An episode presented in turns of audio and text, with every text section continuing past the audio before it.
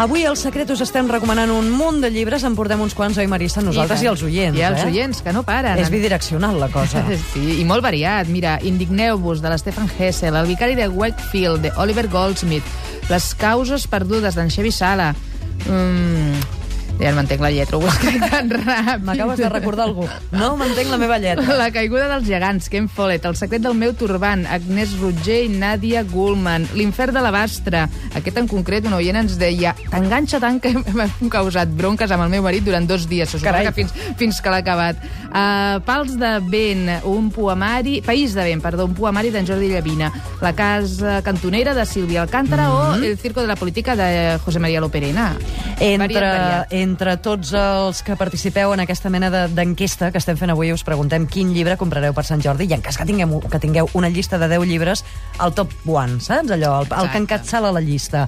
Entre tots els que participeu a través del correu i de l'SMS sortegem, Òscar, bon, estava benvingut. Eh, que és Hola, maco. què Eh, que és bonic això, la Mary Jo també. què tal?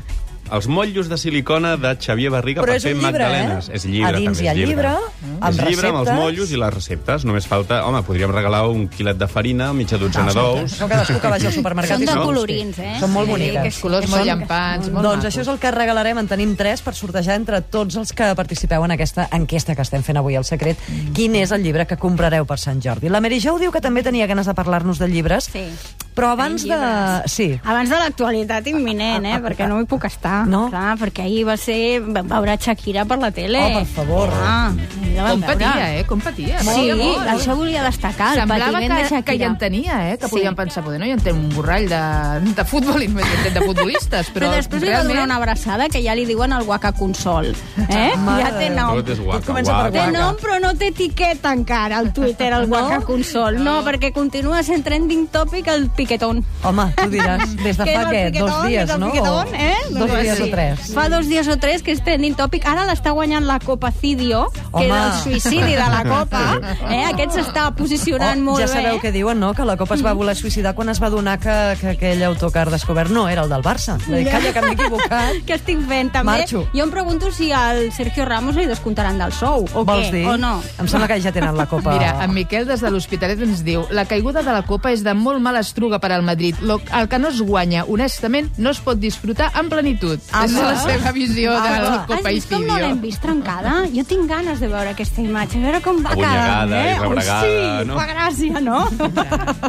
som dolents, som dolents. Som molt Què farem? dolents. Què És- farem? és- és el consol que ens consol. queda. I, i, i l'abraçada a la Shakira també ens Oh, queda, que eh? bonic, Shakira sí. està amb nosaltres. També hi havia la Carbonero allà mirant, eh? No, no la vam veure per Escolta'm, la però tele, jo per. I la abraçada, Marina Costa, la jo per abraçada vaig quedar força més garrativada amb la que li va fer el rei a Casillas. O, sí, o Casillas el rei. Casillas és igual. I a eh? la reina. Tu, Dos sembla petons. que són íntims, eh? Jo crec que la Zarzuela aquest noi deu anar com, com a cal sogre, pràcticament, Jo no? de la reina ho entenc perquè és guapot, l'Iker. Ah, és sí? del Madrid, però a veure, és guapot. No Sí. és el piquetón, no, però és guapot també. Va, llibres, va, Jo, llibres, anem va, anem als llibres, va. I què us porto? Us porto dones, eh? Unes dones potents com la Sofia Loren. Sofia Loren tenim una biografia que és bastant picantona, eh? O Ah, sigui, és una sí? biografia escrita per Silvana Jacobini que realment retrata bastant bé tota la vida de, de Sofia, que sabem que es va casar amb Carlo Ponti, Sí, un sabem. productor molt important que, va conèixer, que el va conèixer pràcticament la seva carrera, la va impulsar moltíssim i que ella l'estimava molt perquè veia en ell el pare que no va tenir mai, perquè el seu pare era bastant pandó i la va deixar abandonada ja de Sí, ben perquè petiteta. tenia una edat, eh? el senyor Carlo Ponti, Tenia eh, una edat impressionant. casar. Una edat i molts problemes, perquè estava casat i acabava de tenir un fill quan es va enamorar d'ella. Ella tenia 15 anys, després, diguem que van començar a sortir ja quan tenia 19, li va posar un anell de compromís i acabava tot just de ser pare. Però què va passar? Què va passar? Doncs que no, s'acabava de decidir anar-se'n amb la Sofia i el Cary Grant la rondava i li va oferir una vida de somni a Hollywood i la Sofia va dir, calla, potser que em deixi rondar a veure si, si l'altre es decideix. I sí, sí, el Ponti es va decidir, es van casar per poders a Mèxic i aquí va començar un gran problema. Perquè què passa? Que a Itàlia doncs, el divorci no es contemplava, no estava permès, era un país ultracatòlic en aquells moments i clar, doncs ella va passar a ser una parella bígama, fins a tal punt que no li deixaven ni donar sang als hospitals perquè consideraven que la seva sang era impura. com ho sents. I això per una nena del sud d'Itàlia, una noia ja, que, que tenia uns valors catòlics, que realment doncs, volia viure al seu país i ser estimada, doncs no ho podia suportar. Al final, eh, la solució la va trobar la dona de Carlo Ponti, que els hi va dir nacionaliseu-vos francesos, perquè allà sí que es permès el divorci, us divorceu i us caseu a París. I always wanted to to find a man that could replace my father in my life.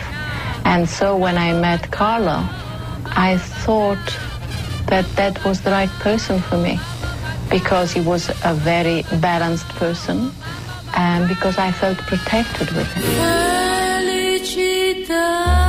La persona de Carlo. Exacte, era Sofia Loren explicant en anglès, en aquest cas, doncs, eh, per què es va enamorar de Carlo Ponti, doncs això que ens explicava la Mary Jo, perquè en ell va veure el pare que no va tenir mai. Per tant, tenim una biografia de Sofia Loren, Sí, però espera, perquè diu que va tenir un amant, eh? Suggereix... Però no ens explicaràs imagina't- al final no, del no, llibre, però és que em fa molta... Ah. Això ho he de dir, ho he de dir perquè si no, perquè diuen que, que va ser l'inventor de la píndola abortiva, cosa que no lliga gens amb la personalitat de Sofia Loren. No però no us gaire. explico més perquè hi ha de tot, eh? Fins i tot trobareu el seu pas per la presó per l'evasió d'impostos. Vull dir que que jo, jo No el recomano, escatima- eh? no escatima No, informacions. està bé. No puc dir el mateix de la biografia de Grace Kelly. Mm, mm, mm. to do I repulse you with my crazy smile Am I too I too flirty Do like what you like I could be wholesome, I could be loathsome Get some little amb bit mi que va cantar uh, Grace Kelly i uh -huh. dic, calla, que ara feia una mica que no el sentíem. El vam sentir molt un estiu el, eh, el vam És acabar. horrorós, sí, sí. no, és preciós. La vam avorrir una mica, Bueno, potser una això mica. sí, la vam avorrir. Però diu, mira, ara fa prou dies que no la sentíem. Una biografia de Grace Kelly sí, també. molt ben editada i molt ben escrita per Donald Espoto, que el coneixem ja d'altres biografies com Marilyn Monroe, Alfred Hitchcock, Ah, per tant, és Marlene una persona Dietrich, especialitzada a- en biografies de famosos. Però així com us he dit que el de la Sofia Loren és molt sucós, aquí el que trobareu és una mica un conte de fades.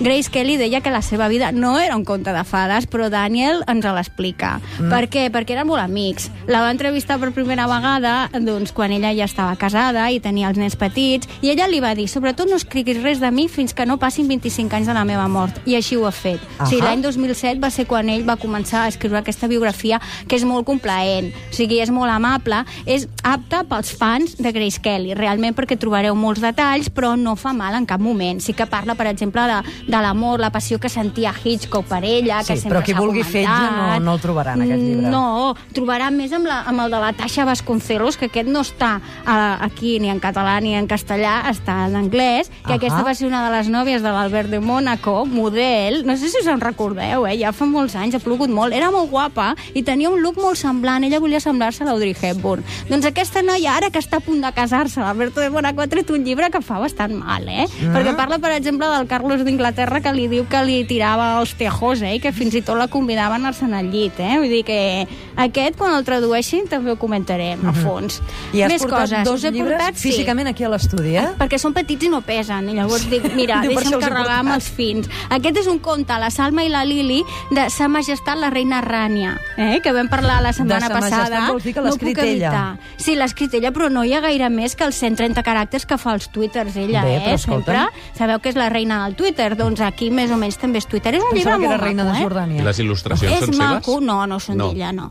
Eh, és un conte d'amistat, comprensió i tolerància, perquè són doncs, dues nenes de dues cultures diferents, una Sí. menja bocates de- d'humus i l'altra de mantega i melmelada, per tant és Orient i Occident, no? Sí. A cap d'elles li agrada el bocata de l'altra fins que el tasten i llavors descobreixen doncs, que està superbé. Vull dir que és un conte multimèdia i tal. Quin problema hi ha? Perquè saps que si jo no trobo problema no em quedo Ah, sí que és tranquil·la. veritat. Doncs que es veu que la reina Rània, segons la premsa israelita, no ha volgut que es tradueixi a l'hebreu. No em diguis. Mm? Llavors, clar, un conte multicultu que... Tot aquest que cant diguem a la tolerància, al problemes- coneixement mutu i, i, i no el traduïm a...